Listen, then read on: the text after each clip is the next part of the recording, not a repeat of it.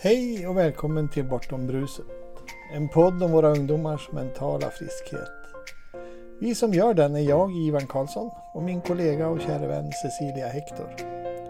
Vi har båda stirrat mörkret i vitögat och tagit oss ur det mörkret. Nu vill vi visa på vårt medfödda välmående och att vad som än händer omkring oss kan vi må bra. Att det är okej att inte vara okej. Att det bortom bruset finns en piccoloflöjt. Välkommen och tack för att ni lyssnar.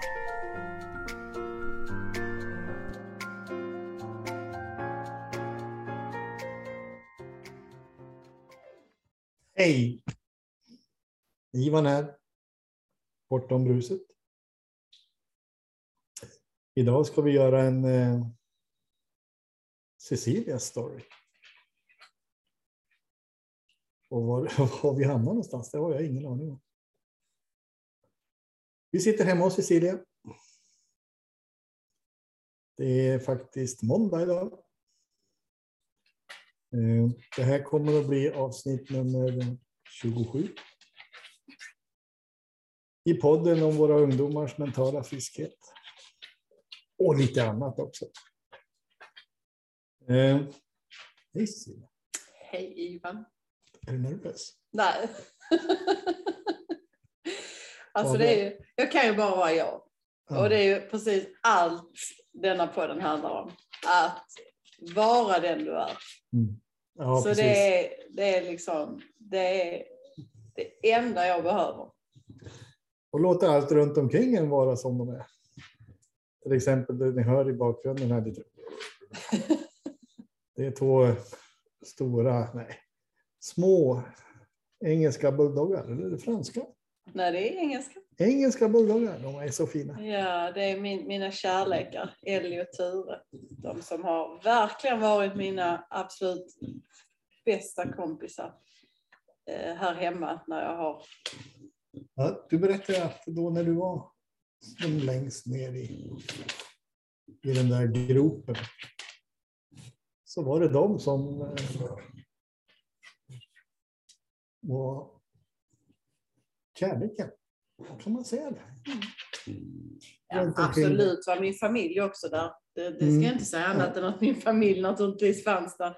Men det var ändå så att det var liksom lättast att vara med, med Ellie och Ture. Mm. För att de hade inga förväntningar, de ställde inga krav.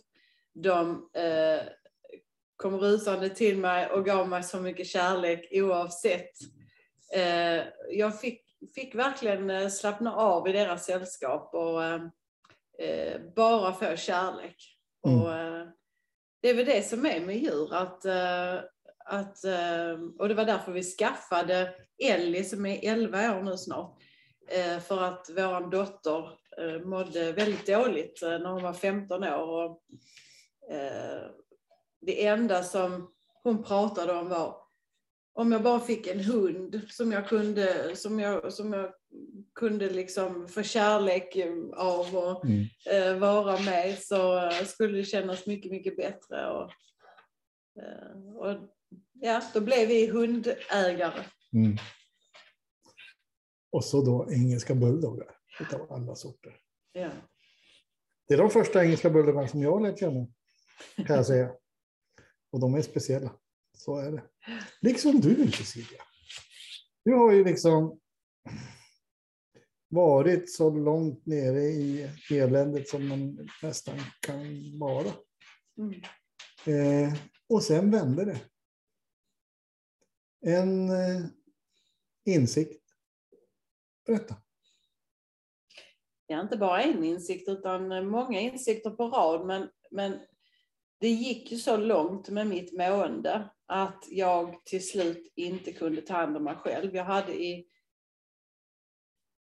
i många år försökt att eh, få bort de här eh, tankarna som skapade eh, oro, eh, ångest, eh, deppighet, en känsla av att eh, inte duga. Mycket tankar, tankar, tankar, tankar som bombarderat mig. Och jag trodde ju att de tankarna drev mig till att göra väldigt mycket.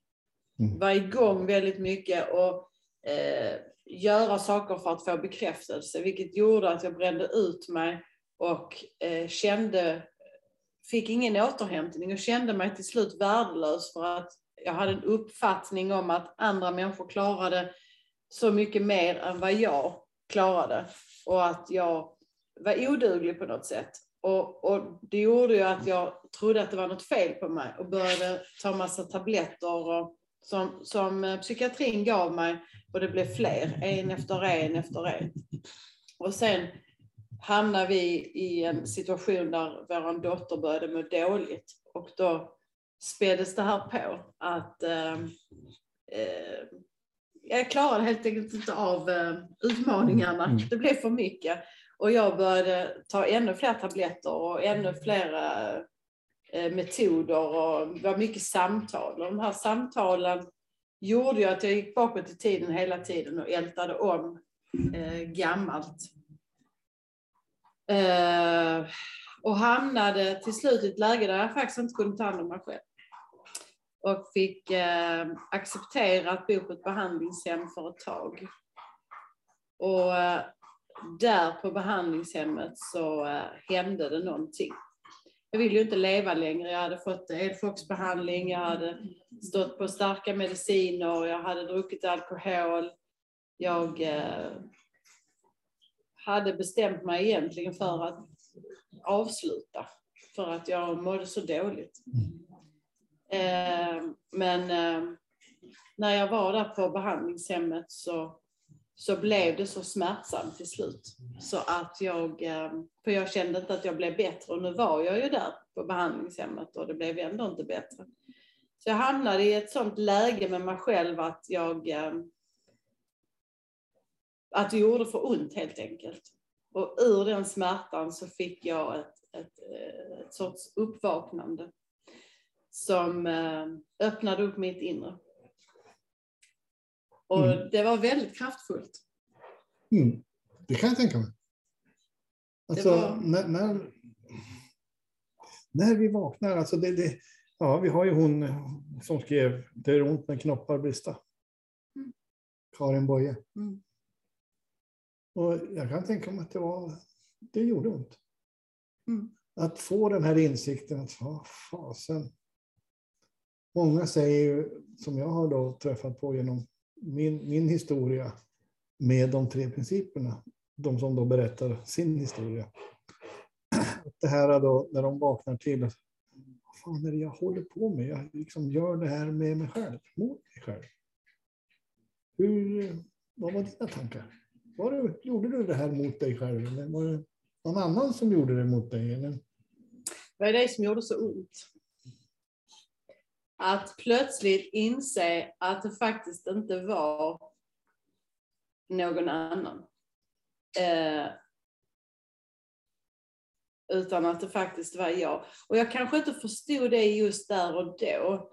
Utan det jag förstod var att jag avslöjade hela filmen som spelades upp för mig just där och då. Jag avslöjade att det här med att jag var psykiskt sjuk och att jag eh, hade, var bipolär och hade, hade ADHD och alla de här liksom, föreställningarna om att, att det var något fel på mig.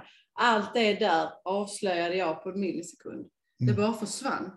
Det mm. bara liksom pang bom. Och det gjorde att jag där och då från den dagen så har jag haft en djup insikt att jag inte är någonting av det.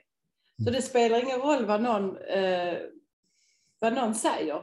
Därför att det är liksom, det landade bara så väldigt, mm. väldigt djupt i mig att allt det här hade blivit galet. Mm. Att det var inte sant. Mm. Och det var som att eh, ett, en, en inre dörr öppnades till mitt hjärta där jag verkligen såg liksom att, uh, att det inte var på det viset. Så här är det när man gör liveinspelningar. Helt plötsligt plingar det på dörren. Eh, vi kan göra en liten eh, paus.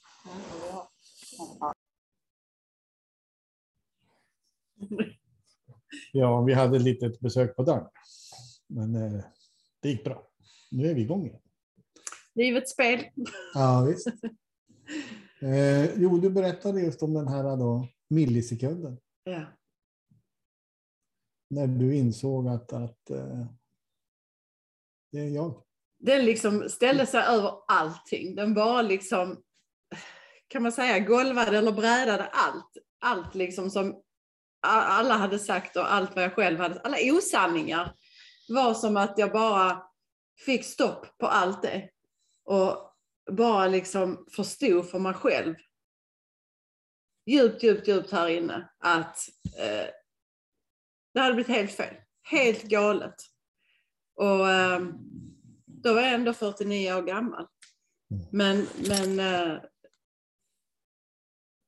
jag bara kom till den insikten. Och, och sen efter det så har, nu har det gått två år. Drygt. Drygt, ja. Inte, ja. Och efter det så har jag ju inte jag har liksom inte ifrågasatt det överhuvudtaget. Utan jag bara vet mm. att jag är helt och hållet eh, mentalt frisk. Att jag alltid har varit mentalt frisk. Mm. Att det var mina tankar som skapade det jag kände. Och, eh, en illusion. En illusion. Och att det liksom oskyldigt har blivit så väldigt tidigt i livet. Och jag har inte kunnat eh, förstå riktigt vad det är som har hänt. Jag har varit ganska Eh, begränsad i mitt medvetande. Så att jag har inte kunnat se tydligt och lagt min tillit på andra. Andra vet bättre, andra har metoder som kan göra att när jag får den här känslan av att nu är jag ledsen eller då är det någon annan som vet hur jag ska göra för att komma över den känslan. Jag har aldrig haft eh, en riktig tillit till att där finns ett eget system i var och en som tar oss igenom den där upplevelsen. Utan Mm. Eh, Systemet fungerar? Ja, nej, jag har inte litat på det. Mm. Utan jag har litat på andra. Jag har mm. lagt min tillit på utsidan. Och också när jag har varit eh, missnöjd med någonting så har jag alltid lagt skulden liksom på fel ställe. Jag har inte förstått att det var tanken. Och jag menar inte att jag har gått och varit arg på andra, för jag, det har riktat det väldigt mycket inåt. Men jag har inte förstått att, att, att eh, ursprunget av känslan kommer ifrån de tankar som jag tar som sanna. Och eh, eh, i samma skede där som jag var på behandlingshemmet och började inse att jag faktiskt inte var psykiskt sjuk, så hörde jag också ett Youtube-klipp som, mm. som, där man pratade om den här inre förståelsen. Och det eh, harmonerade med vad jag hade upplevt. Och eh, då började jag lyssna mer och mer på det. Och det ledde till att jag till slut tog samtal med de som hade gjort det här Youtube-klippet Eh, gick deras utbildning. Vad som kommer upp för mig är att vi då i, i den här communityn som man kan kalla den här förståelsen har, att vi ofta där pratar om att för att komma till den här insikten om att så, så behöver vi ha lugnat ner våra tankar, clarity of thoughts, eller ja, eh, att det har lugnat ner sig. Men jag har faktiskt upptäckt att trots att det då går runt med, med storm uppe i huvudet, jag brukar likna det egentligen med en blåsorkester, och det där har du då 20-25 olika blåsinstrument som drar på allt vad de kan. Och man kan ju säga att du var i den där blåsorkestern där på behandlingshemmet. Och den där millisekunden, det var ju när alla då blåsinstrumentsblåsare drog efter andan, så var det en som blåste ut och det var den med piccoloflöjten. Så när som helst, man behöver inte ha liksom lugnat ner sina tankar för att komma till insikt. Den kan komma precis när som helst, mitt i stormen, mitt i värsta blåsorkestern så kan vi höra den här piccoloflöjten. Millisekunder. Och det räcker. Jag har, det är så många exempel. Och Cecilia är ett av de tydligaste. Att vi alltid, alltid har den mentala friskheten inom oss tillgänglig. Och så har vi kapaciteten att tro att vi inte har det. Så, ja. Ja, jag var, jag var så verkligen så borta från mig själv och, och har faktiskt alltid, alltid eh, fastnat i väldigt, väldigt mycket oro, mycket tankar och mycket känslan av att inte duga. Så har jag gått igenom mm. ända sedan jag var liten. Det har liksom präglat mm. hela, och det har verkligen varit ett liv i faderullan. Jag menar, jag har, mycket vänner och mycket liksom eh, energi på många sätt, men det har kunnat gå liksom käpp åt andra hållet, där jag verkligen har fallit i värsta, värsta eh, tunga, dystra, eh, dramatiska, svåra tankar kring liksom, nu orkar jag inte längre, jag, eh, jag duger inte, jag är kass, jag är skit och här sitter jag liksom i ett, i ett jättefint hus i Höllviken, nära stranden. Jag har två engelska bulldoggar, jag har två fantastiska barn, jag är gift, har man. Eh, allt egentligen. Och ändå så suger jag för att jag sitter här och mår skit. Och hur kan det vara så? Och eh, det blev liksom ännu mer skuld i det. Att både jag kände att jag har alla de här sakerna och så mår jag så här. Samtidigt som andra också tänkte om mig, vad, vad är ditt problem? Vad, vad, vad, är, vad mer söker du? Kan du inte vara lite tacksam och, och, och, glad? Och det var jag ju. Jag var ju tacksam över de sakerna men ändå så eh, mådde jag skit på insidan. Och det blir ju när man inte själv kommer till, dem, till den insikten så spelar det ingen roll hur vad andra säger och vad man säger till sig själv. För att det här är ju någonting som måste landa djupt, djupt här inne på insidan av sig själv.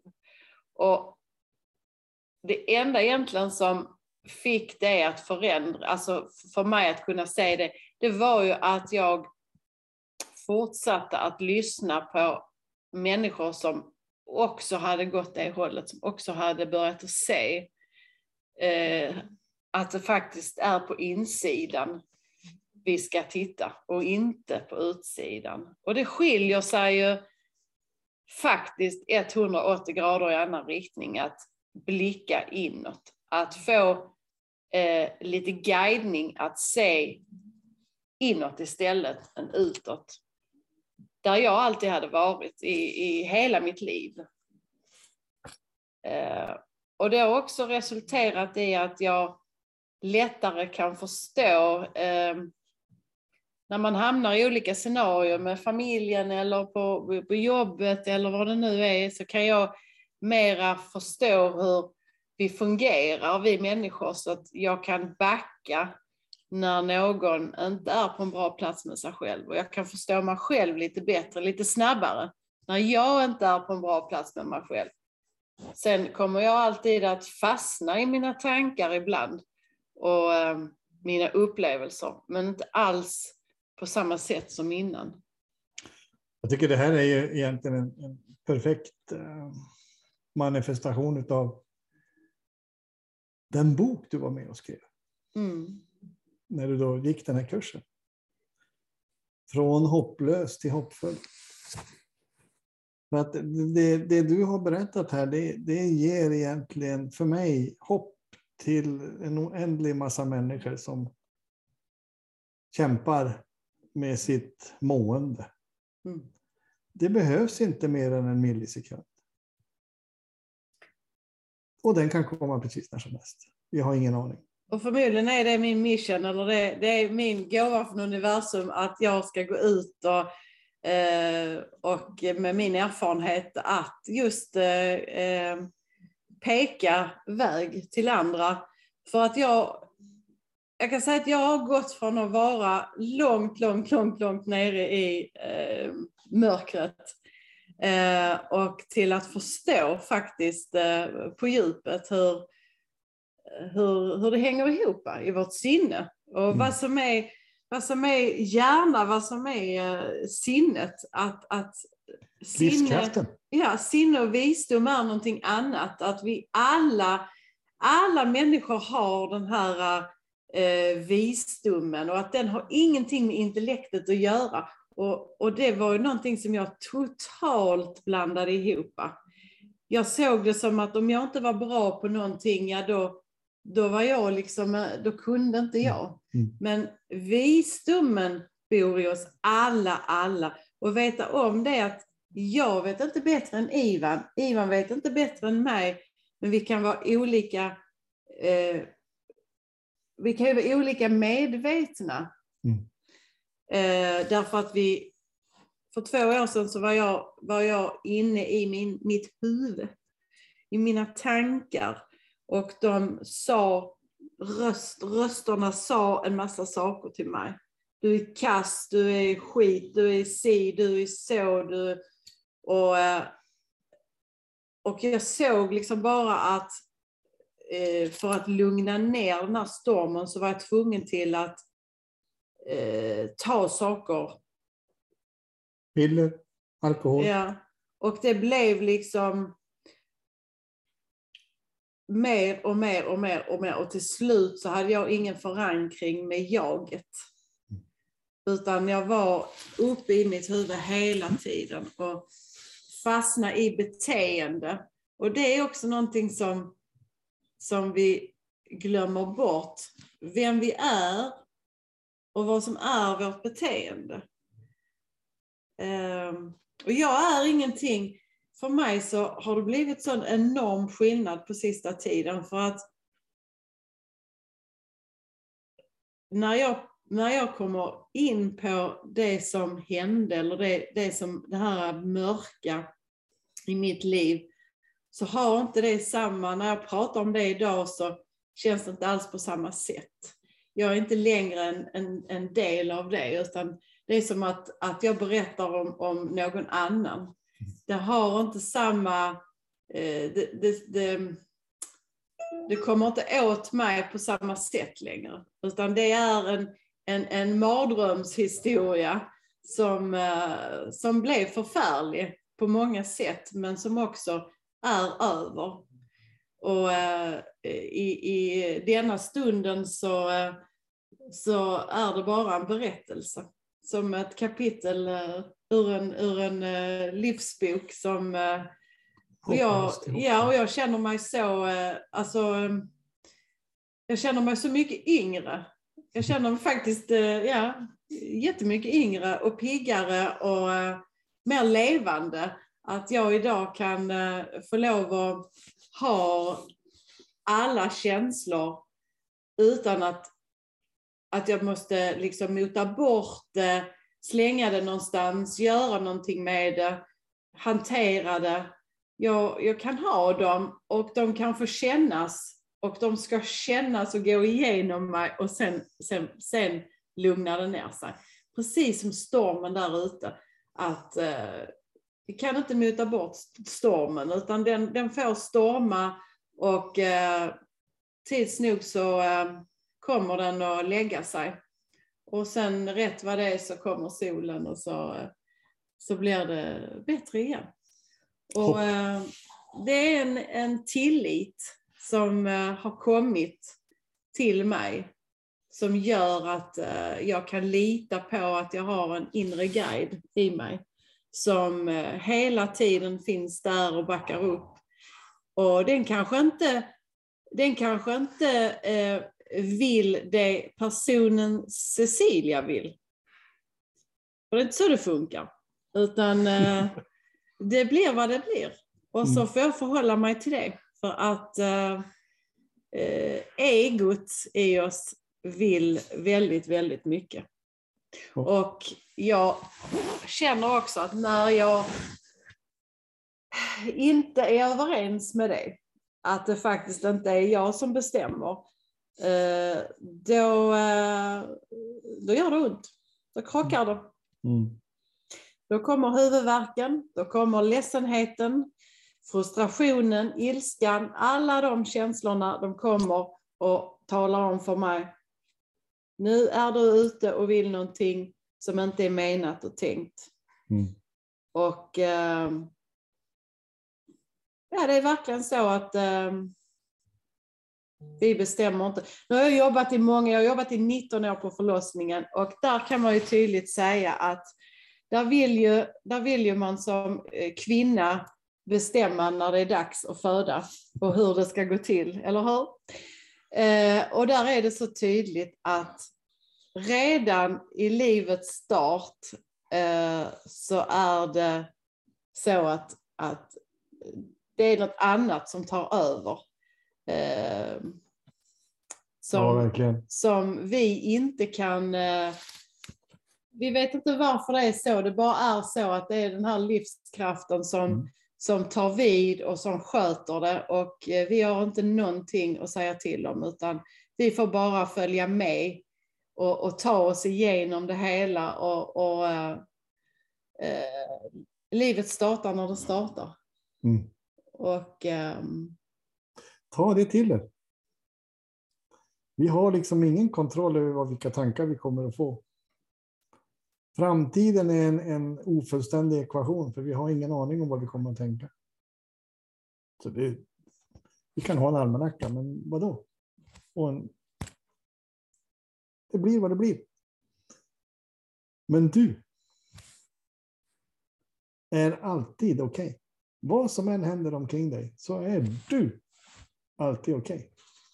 Det tycker jag Cecilias story bevisar. Och att det är nu, i denna Mm. stunden, som är evigt pågående, men det är nu. Vi kan alltid landa i nu, oavsett vad vi har för historia. För jag Mm. menar, allting är okej för mig Mm. just nu. Mm. När jag sitter här eh, finns ingenting som, som kommer åt mig här. Mm. För att just nu är, är det okej.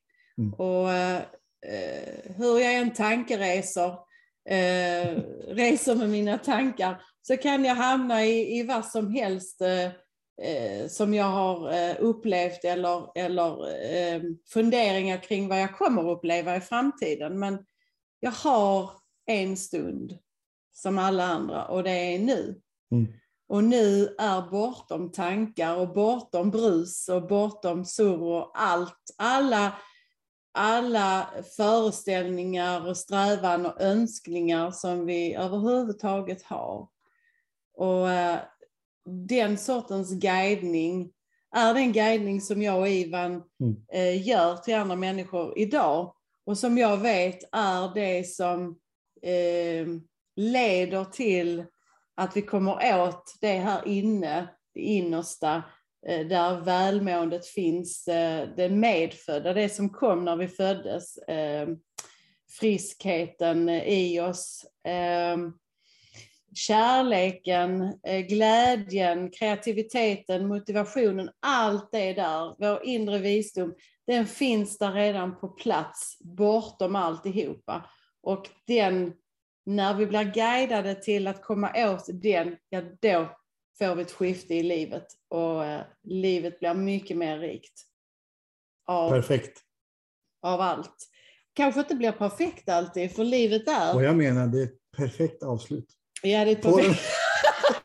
på den här podden. Alltså, Ja. Det är så fullt av hopp, det Cecilia berättar. Så att det, det tar du till er. Och det är bortom metoder och tekniker. Ja.